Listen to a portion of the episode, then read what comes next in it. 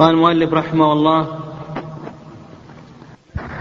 ومن أسلف في شيء لم يصرفه إلى غيره ولم يجز بيعه قبل قبضه. آه، بيع دين السلم ينقسم إلى قسمين. القسم الأول بيع دين السلم على من هو عليه. والقسم الثاني بيع دين السلم على غير من هو عليه. القسم الأول بيع دين السلم على من هو عليه. أعطيت زيدا من الناس مثلا ألف ريال. على أن يعطيك بعد شهر أو شهرين مئة قلم أو مئة كتاب أو مئة ثوب صفته كذا وكذا. الآن أن تريد من زيد كم من ثوب؟ تريد منه مئة ثوب. أعطيته ألف ريال على أن يعطيك مئة ثوب. لما حل الأجل أتيته وطلبت منه الثياب قال ما عندي ثياب. ليس عندي ثياب لكن أعطيك بدل الثياب آه، شعير أو أعطيك بر. أو أعطيك بدل الثياب أقلام ونحو ذلك. فقبلت ذلك وأخذت بدل الثياب أقلاما. فهنا حصل البيع لأن البيع ما هو؟ مبادلة مال بمال. مبادلة مال بمال. هنا الآن حصل البيع. أنت تريد منه أثوابا وأخذت بدل الأثواب أقلام. الأثواب مال والأقلام مال. فهذا الآن بيع مال بمال. مبادلة مال بمال هذا بيع. فأنت الآن بعت الدين على من هو عليه؟ الدين على زيد. وبعت الأثواب هذه على زيد وأعطاك الثمن أقلاما فنقول هذا يصح بشرطين. بيع الدين بيع دين السلم على من هو عليه نقول هذا صحيح بشرطين. الشرط الأول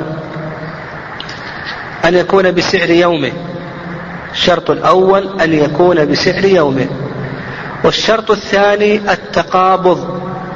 إذا كان العوضان يجري بينهما ربا النسيئة فنقول شرطان الشرط الأول أن يكون بسعر يومه. أن تريد منه من الثوب هذه الأثواب. وش وش آه، تساوي من الأقلام؟ فقالوا من الثوب تساوي من الأقلام كذا وكذا. تساوي مثلا مئة قلم أو مئتي قلم. تقول أعطه مئتي قلم بسعر يومه. الشرط الثاني التقابض إذا كان العوضان يجري بينهما ربا النسيئة هنا الآن الأقلام والثياب هل يجري بينهما ربا النسيئة أو لا يجري؟ ما يجري. يصح أنك تبادل أقلام وثياب وإن لم يحصل القبض. ما يشترط القبض. لكن لو كنت لو كنت تريد منه برا قال ما عندي بر أبعطيك تمر. قلت أعطني تمرا. هل يشترط القبض هنا أو لا يشترط القبض؟ نقول هنا يشترط القبض. لأن العوضين البر والتمر عندما تبادل بعضهم البعض لا بد أن يكون يدا بيد قبل التفرق. فتلخص لنا بيع دين السلم على من هو عليه يشترط فيه شرطان الشرط الأول أن يكون بسعر يومه والشرط الثاني التقابض إذا كان يجري بينهما ربا النسيئة أو مثلا أنت أعطيته مثلا ألف ريال. يعني صورة أخرى أعطيته ألف ريال. على أن يعطيك صاحب المصنع مثلا مئة قلم. لما حل الأجل المصنع ما أنتج ما أنتج أقلام. قال أعطيك آه بدلا من ذلك آه تمر أو بعطيك شعير أو بعطيك دراهمك وش نقول هنا؟ جائز هنا وليس جائزا؟ نقول هذا جائز بالشرطين السابقين. هذا القسم الأول وهو بيع دين السلم على من هو عليه. القسم الثاني بيع دين السلم على غير من هو عليه. أعطيت زيدا ألف ريال على أن يعطيك مئة صاع من البر بعد ستة أشهر. أنت الآن تريد من زيد كم؟ ها؟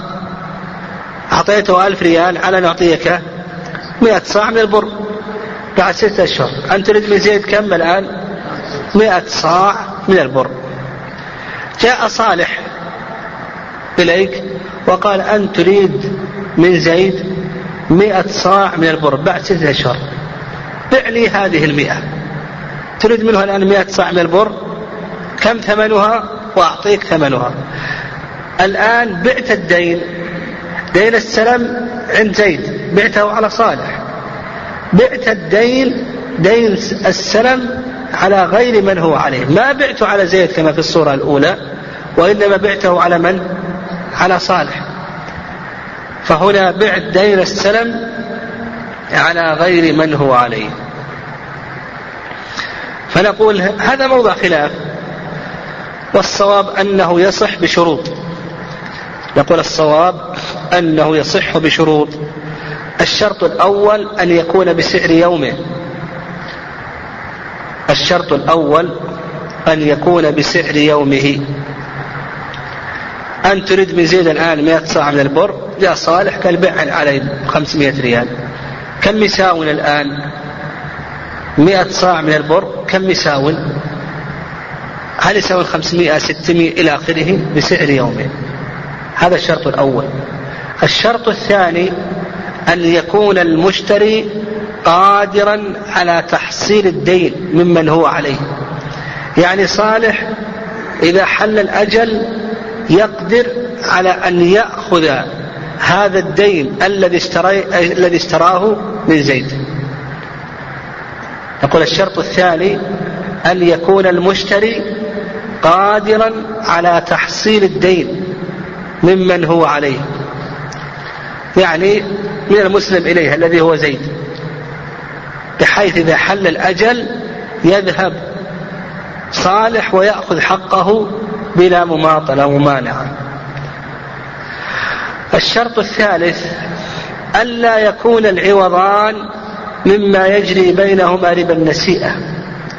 فإذا كان العوضان يجري بينهما ربا النسيئة ما يصح لأن القبض هنا متعذر القبض هنا متعذر القبض متعذر هنا فمثلا إذا كنت تريد من زيد مئة صاع من البر وجاء صالح قال بيعن علي وش تشتريهم فيه؟ قال أعطيك تمر وش نقول هنا؟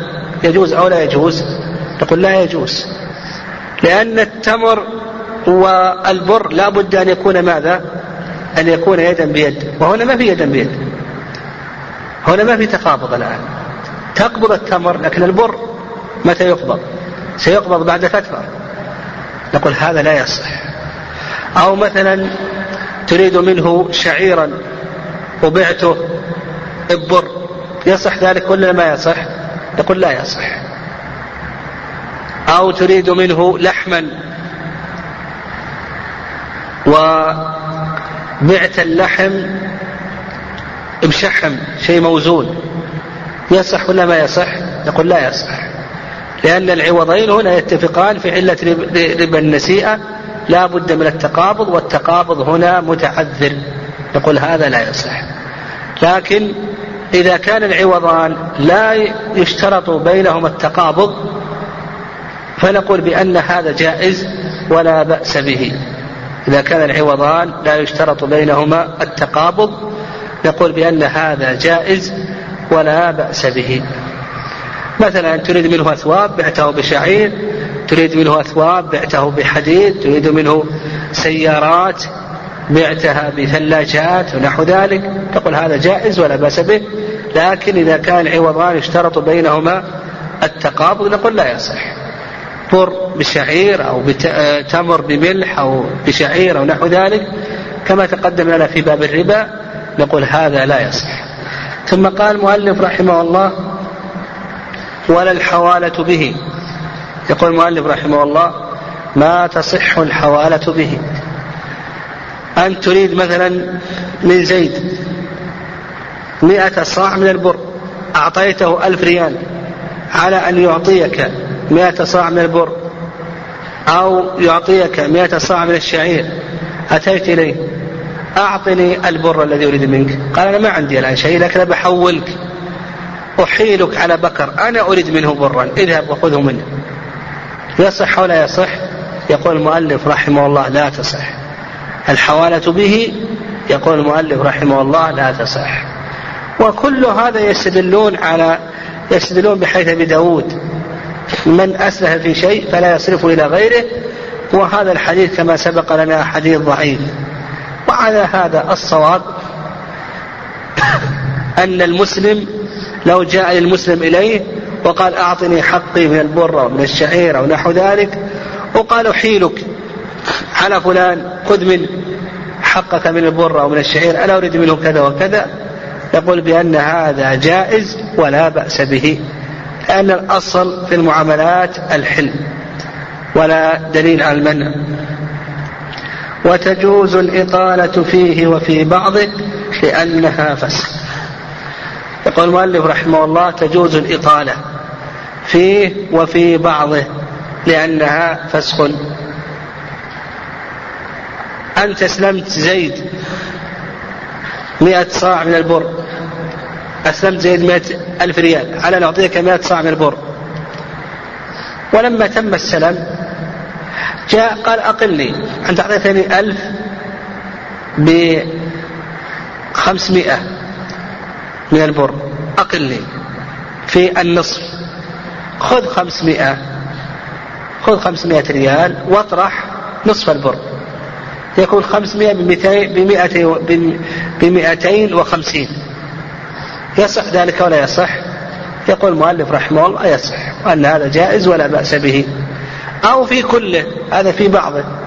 أو في كله.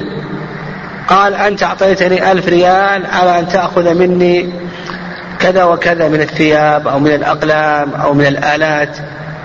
أقلني خذ دراهمك. فأقاله. يجوز ذلك ولا يجوز؟ يقول هذا جائز ولا بأس به. قال رحمه الله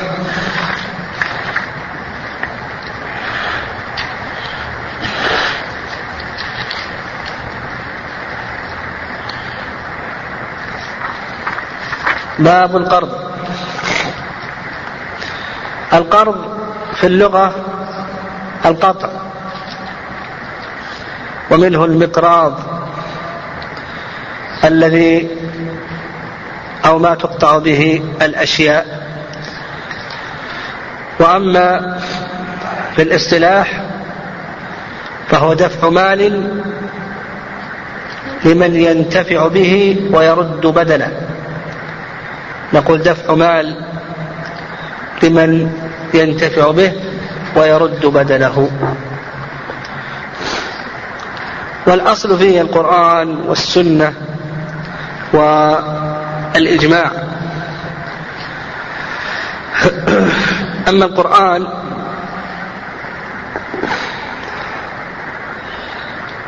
فقول الله عز وجل من ذا الذي يقرض الله قرضا حسنا فيضاعفه له. والسنة أن النبي صلى الله عليه وسلم استسلف النبي عليه الصلاة والسلام استسلف من رجل بكرا ورد خيرا منه رباعيا. وقال عليه الصلاة والسلام أحسنكم أحسنكم قضاء. وهذا أخرجه مسلم في صحيحه. والإجماع منعقد على جوازه في الجملة. والنظر الصحيح يقتضي ذلك لما فيه من تفريج الكربة وتنفيس العسرة ونحو ذلك. يقول المؤلف رحمه الله عن أبي رافع رضي الله عنه أن رسول الله صلى الله عليه وسلم استسلم من رجل بكرا فقدمت عليه إبل الصدقه فأمر أبا رافع أن يقضي الرجل بكرة. فرجع اليه أبو رافع فقال لم أجد إلا خي... لم أجد إلا خيارا رباعيا. فقال أعطوه إياه فإن خير الناس أحسنهم قضاء. قال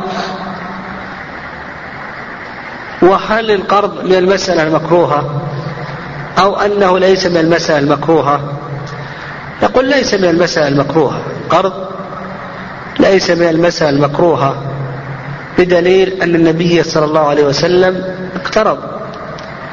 وتوفي النبي عليه الصلاة والسلام ودرعه ودرعه مرهونة عند يهودي.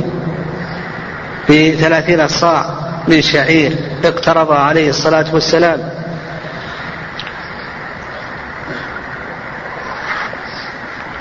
لكن لا ينبغي للمسلم أن يحمل ذمته. المسلم لا ينبغي أن يحمل ذمته بحيث لا يقدم على القرض إلا مع الحاجة. لأن الإنسان لا يدري ما يعرض له. فلا ينبغي له أن يحل أن يحمل ذمته بل لا يقدم على القرض إلا مع الحاجة. وقال المؤلف رحمه الله ومن اقترض شيئا فعليه رد مثله. إن كان مثليا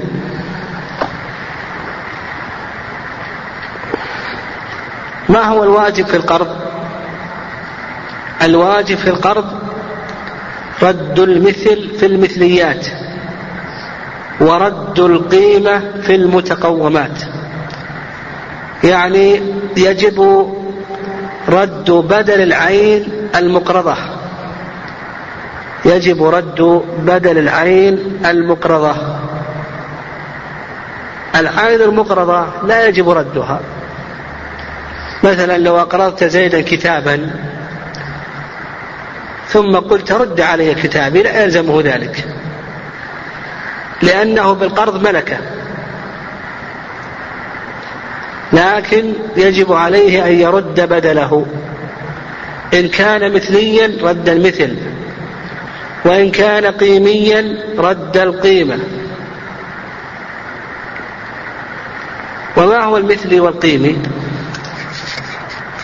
ما هو المثلي والقيمي نقول المثلي اختلف في ضابطه. المشهور من المذهب مذهب الشافعية أن المثلي هو كل مكيل أو موزون.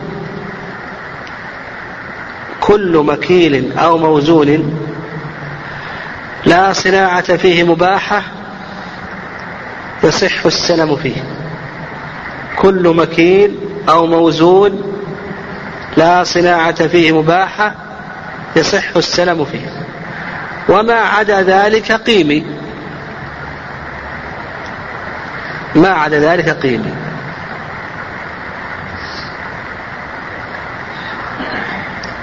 وعلى هذا تكون المثليات كثيرة ولا قليلة؟ المثليات وش تكون؟ قليلة لأنهم حصروا المثليات في المكيل والموزون. أيضا المكيل والموزون الذي لم تدخله الصناعة المباحة ويصح السلام فيه. طيب ما عدا ذلك قيميات؟ مثال المثلي البر الشعير اللي ما في صناعة. لو أن البر صنع وجعل خبزا ونحو ذلك فهل هو مثلي أو قيمي؟ قيمي. إذا دخلته الصناعة أصبح قيميا. أيضا إذا كان مكيل ما ينضبط بالوصف وش يكون هذا؟ قيمي. الموزون مثل الحديد والصفر والنحاس. هذه مثلية لكن لو أنها دخلتها الصناعة ها المباحة وش نقول؟ نقول قيمية أصبحت قيمية. أصبحت قيمية. ما عدا ذلك قيمي يعني ما عدا المكيل والموزون قيمي. فمثلا الكتب قيمية ليست مكيلة وموزونة. ثلاجات الآلات السيارات الأقلام الثياب أشياء كثيرة الخضروات الفواكه هذه كلها ليست مكيلة ولا موزونة فتكون ماذا؟ تكون قيمية نضرب لهذا أمثلة أقرضه ثوبا فما الذي يجب على المقرض على المقترض أن يرده. قال هذا ثوب قرض. زيد اقترض من عمر ثوبا. عمر هو المقرض وزيد هو المقترض. وش يجب على زيد أن يرد؟ ها؟ القيمة ولا المثل؟ قيمة هذا اللي يجب عليه. إذا اتفق على المثل الأمر إليهما. إذا أتاه بثوب رضي الأمر إليهما. لكن لو قال أنا ما أرضى الثوب. أنا أعطيتك ثوب والثوب قيمة أعطيتك قيمة. ما القول قوله؟ ها؟ قول من؟ المقرض. صح. القول قول المقرض يعني إذا اتفق على شيء فالأمر إليه مراجع. إذا اختلف إذا اختلف فإن كان قيميا وجبت القيمة وإن كان مثليا وجب ماذا؟ وجب المثل. وعلى هذا فقس. طيب أقرضه شعيرا. وش يجب عليه أن يرد؟ مثل وشو؟ شعير. طيب لو أعطاه دراهم قال خذ دراهم. أنت أقرضت أقرضت عشرين صاع من الشعير قيمتها تساوي مثلا أربعين ريال خذ هذه القيمة. قال ما أقبل. وش يجب عليه؟ ها؟ المثلي ولا القيمي المثلي. يجب عليه المثلي. أقلمه أقرضه قلما. وش يجب عليه؟ القيمة. لو أتاه بمثله قال أنا أقرضتك قلم. أنا أقرضتك قلما. خذ قال أنا أقرضتك قلما أعطني قلما مثل قلمي الذي أقرضتك. قال لا أعطيك القيمة. من يؤخذ بقوله؟ المقرض يقول القيمة والمقترض يقول أعطيتك قلم ما أعطني مثل القلم. ها؟ هل نأخذ بكلام المقرض ولا المقترض؟ المقرض. المقرض. لأن نقول القاعدة عندنا أنهما إن اتفقا على شيء ها؟ فالأمر إليهما. إن اختلفا فالقول قول من يوافق. نعم القول قول من يوافق. المثلي إن كان القرض مثليا والقيمي إن كان القرض قيميا. وكما ذكرنا لكم أنهم يضيقون المثلي يضيقون المثلي يجعلونه خاص في أي شيء؟ في المكيلات والموزونات. طيب. أقرضه خبزا. وش يجب عليه أن يرد؟ ها القيمة ولا المثل؟ القيمة. لماذا؟ دخلته الصناعة. طيب. أقرضه تمثالا من الحديد. تمثالا من الحديد. القيمة ولا المثل؟ القيمة لماذا؟ آه دخلته الصناعة هذا خطأ. نحن قلنا الصناعة المباحة الصناعة المباحة. والتمثال صناعة مباحة ولا محرمة؟ محرمة. ما نقول هنا قيمي نقول هنا ماذا؟ مثلي. المحرم شرعا كالمعدوم حسا. فنقول هنا في إذا أقرضه تمثالا من الحديد يجب عليه المثل. ما نقول قيمي لا نقول قيمي لأن الصناعة تعتبر ويكون قيميا إذا كانت الصناعة مباحة. أما هنا فإن الصناعة إيش حكمها؟ محرمة فلا أثر لها. والصناعة هنا محرمة لا أثر لها. هذا كلام المؤلف رحمه الله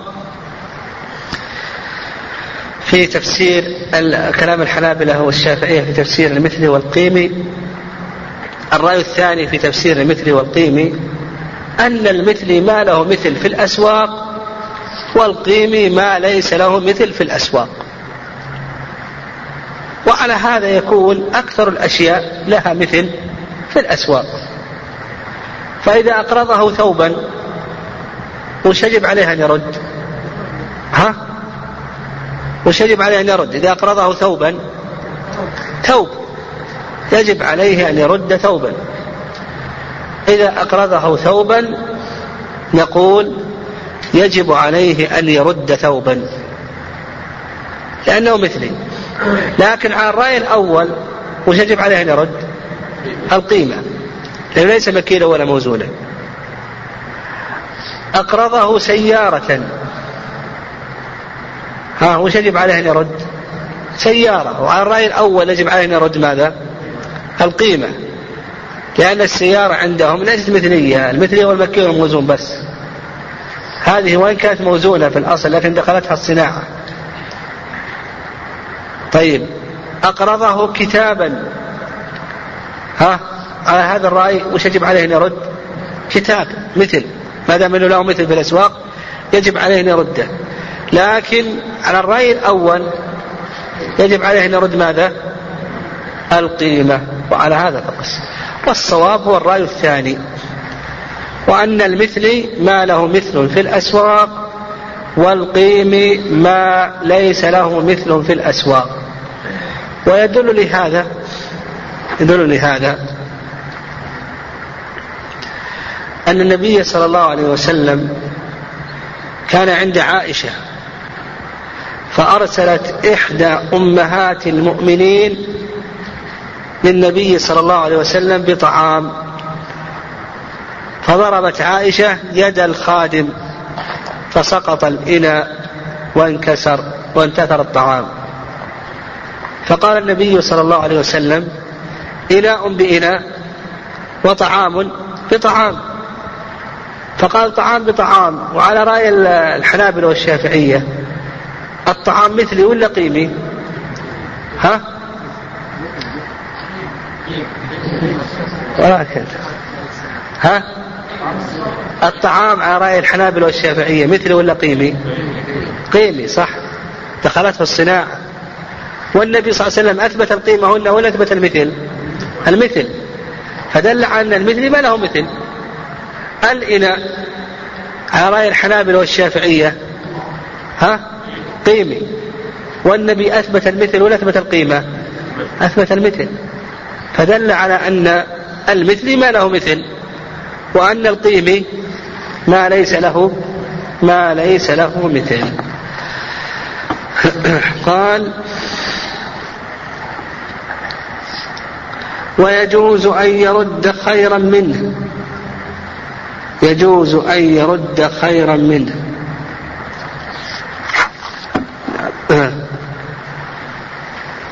يرد خيرا منه. آه. آه.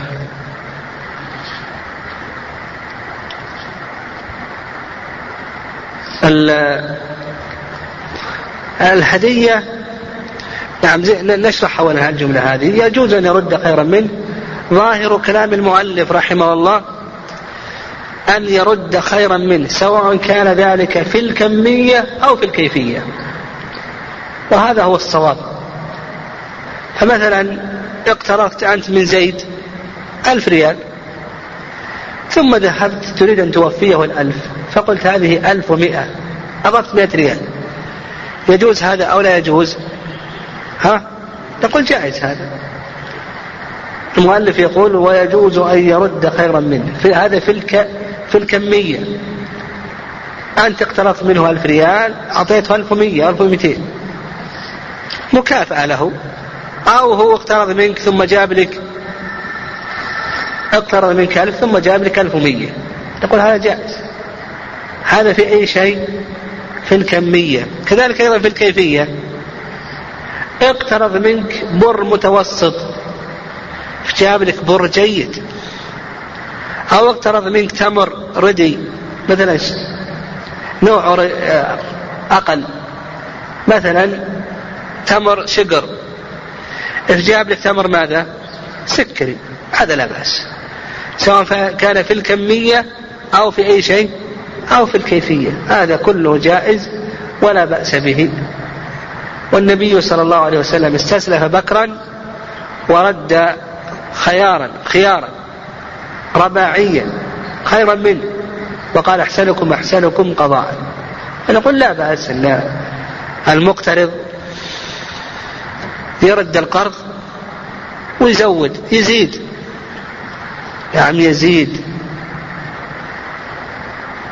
يرد خيرا منه في الكمية أو يرد خيرا منه في أي شيء؟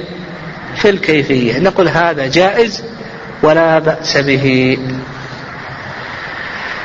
بل إن بعض العلماء ذكر قال إنه لا بأس إنه يقرضه ولو كان يرجو الزيادة.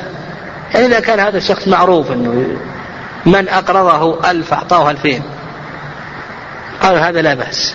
يعني إذا كان هذا الشخص يرجو ان ان أن يزيده. قالوا هذا جائز ولا بأس به.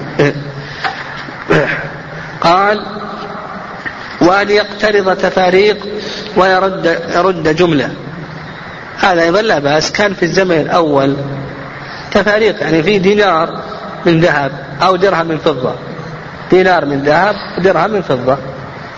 يقترب تفاريق مكسرة من الذهب.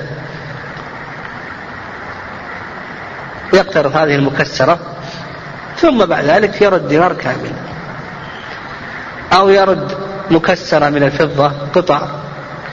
ثم بعد ذلك يرد درهما كاملا. هذا جائز ولا بأس به. قال إذا لم يكن بشرط وإن أجله لم يتأجل. إن أجله لم يتأجل.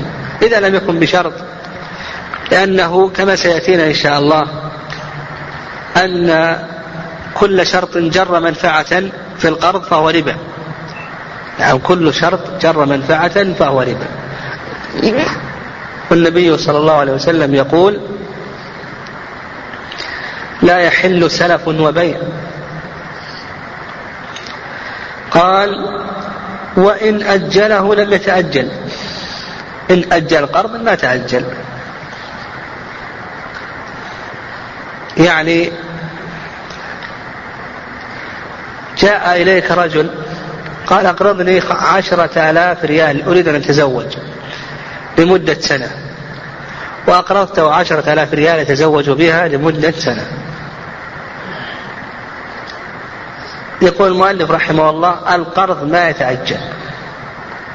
لك انك تذهب الطالب الآن. أنت قرضت الآن أعطيته عشرة آلاف ريال. فيقول المؤلف رحمه الله بأن القرض لا يتأجل بالتأجيل. وهذا هو المشهور مذهب الإمام أحمد. فتملك يملك المقرض الآن أن يذهب إلى المقترض وأن يطالبه. أنا أقرضتك عشرة آلاف ريال أعطني إياها. قال أجلتنا أنت اتفقنا على سنة. نقول العلماء يقولون ما يتأجل بالتأجيل. أعطي العشرة الآن والقاضي يحكم عليه. أنك تعطيه العشرة الآن. لماذا؟ لماذا القرض لا يتأجل بالتأجيل؟ قالوا بأن القرض منع فيه من الفضل من الزيادة. فكذلك أيضا يمنع فيه من التأجيل ما دام أنه ما في زيادة. يعني ما يجوز تقول هذه عشرة آلاف ريال بإحدى عشر ألف. أيضا ما نحمله المقرض. المقرض كما أننا نمنع من أخذ الزيادة. أيضا ما نحمل عليه ماذا؟ الأجل نحمل عليه أمرين. يقولون ما نحمل عليه أمرين. نحن الآن منعناه من أي شيء؟ من أن يأخذ ماذا؟ أن يأخذ زيادة. منعناه من يأخذ زيادة. ما يصح أنه يقول عشرة آلاف بإحدى عشر. كذلك أيضا ما نحمله أمرا آخرا وهو التأجيل. فيقول هذا منع فيه من الفضل فيمنع فيه من التأجيل ما يحمل أمرين. أمرين ما نحملهم هذا ما ذهب إليه المؤلف رحمه الله. والقول الثاني قول الإمام مالك رحمه الله. واختار ابن القيم أنه يتأجل بالتأجيل. القول الثاني قال به الإمام مالك رحمه الله وأيضا يذهب إليه ابن القيم رحمه الله أنه يتأجل بالتأجيل وأنه إذا أجله هذه الدراهم لمدة سنة أو سنتين يجب عليه أن يتقيد بذلك ولا يحق له أن يطالبه. ودليل ذلك قول الله عز وجل يا أيها الذين آمنوا أوفوا بالعقود الله عز وجل أمر بال بال بالوفاء بالعقد والعقد تم على أنه مؤجل فيجب عليه أن يوفي به. وأيضا الله عز وجل يقول والذين هم لأماناتهم وعهدهم راعون. والذين هم لأماناتهم وعهدهم راعون. والنبي صلى الله عليه وسلم يقول المسلمون على شروطهم. فالصواب أنه يتعجل بالتأجيل قال ولا يجوز شرط شيء ينتفع به المقرض. نعم لا يجوز أن يشترط شيئا ينتفع به المقرض. وهذا يشمل المنافع والأعيان. لا يجوز للمقرض أن يشترط شيئا. لأن النبي صلى الله عليه وسلم يقول لا يحل سلف وبيع. فنقول يشمل المنافع والأعيان والعقود. العقود.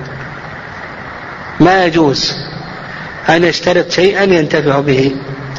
أولا على ذلك أن النبي صلى الله عليه وسلم قال لا يحل سلف وبيع. ثانيا أن القرض مما يراد به وجه الله عز وجل والإحسان والإرفاق. فإذا شرط فيه منفعة فإنه يخرجه عن موضوعه. إذا شرط فيه منفعة نقول أخرجه عن موضوعه. وموضوعه ما هو؟ الإرفاق والإحسان. هذا موضوعه موضوعه الإرفاق والإحسان. إذا اشترط أخرجه عن موضوعه إلى شيء آخر وهو المعاوضة.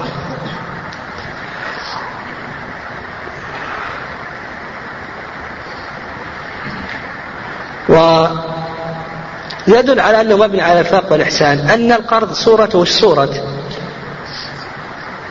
القرض صورته صورة الربا. ربا النسيئة. لأنك تعطيها ألف ريال وتأخذ منه بعد شهر ألف ريال الأصل عندما تبادل ألف بألف وش يكون؟ يدا بيد مثلا بمثل. تعطيه ذهب قرض وتأخذ بعد شهر الذهب هذا. عندما تبادل ذهب ذهب وش, وش لابد؟ النبي صلى الله عليه وسلم يقول الذهب بالذهب هاء وهاء يدا بيد. لا تبيع غائبا بناجز. عندما تبادل ذهب ذهب بيع. لكن في القرض جوزنا ذلك مع إنه صورة صورة ربا تعطيها الذهب وتأخذه بعد شهر. تعطيها الفضة تأخذه بعد شهر. تعطيها الدراهم تاخذها بعد شهر. لماذا جوز في هذه صورة الربا؟ لأنه يراد به ماذا؟ الإحسان والإرفاق. ما يراد به المعاوضة. ولذلك منع فيه من كما ذكر المؤلف رحمه الله. فنقول يمنع فيه من أن يشترط شيئا ينتفع به سواء كان عقدا مثل لو قال اقرضك بشرط أنك تبيع علي وش نقول هذا؟ شرط صحيح ولا باطل؟ باطل. أو قال اقرضك بشرط أنك آه كذا آه قبل تنكحني ابنتك. شرط باطل. أو تعقد معي عقد شركة. أو تصرف لي هذه الدراهم. المهم أنه اشترط عليه عقد. أو اشترط عليه منفعة. اشترط منفعة. قال اقرضك بشرط إنك تعطينا السيارة مدة يوم يومين. أو تعطينا أسكن البيت بيتك لمدة يوم أو يومين. أو تعمل معي. تعمل لكذا وكذا. واضح؟ فنقول بأن هذا هذه كلها ما تجوز. محرمة ولا تجوز أو عين من الأعيان هذا أمر ظاهر. قال اقرضك على أن تعطيني هذا الكتاب هذا البر أو هذا الشعير أو هذا الطعام. يقول بأن هذا هذا نقول بأنه محرم ولا يجوز. هذا محرم ولا يجوز. نعم. قال إلا أن يشترط رهنا أو كفيلا. نعم إذا اشترط رهنا أو كفيلا هذا جائز ولا بأس به لأن السنة جاءت به. فالنبي عليه الصلاة والسلام اقترض من يهودي شعيرا ورهن درعه عنده. فنقول والكفيل بمعنى الرهن توثقة. هذه عقود توثقة. فإذا قال أقرضني قال أقرضك بشرط تعطي الرهن تعطينا السيارة رهنا أو تعطينا البيت رهنا تقول هذا جائز ولا بأس به؟ أو قال أقرضك بشرط أن تعطيني كفيلا أو ضمينا نقول بأن هذا جائز ولا بأس به.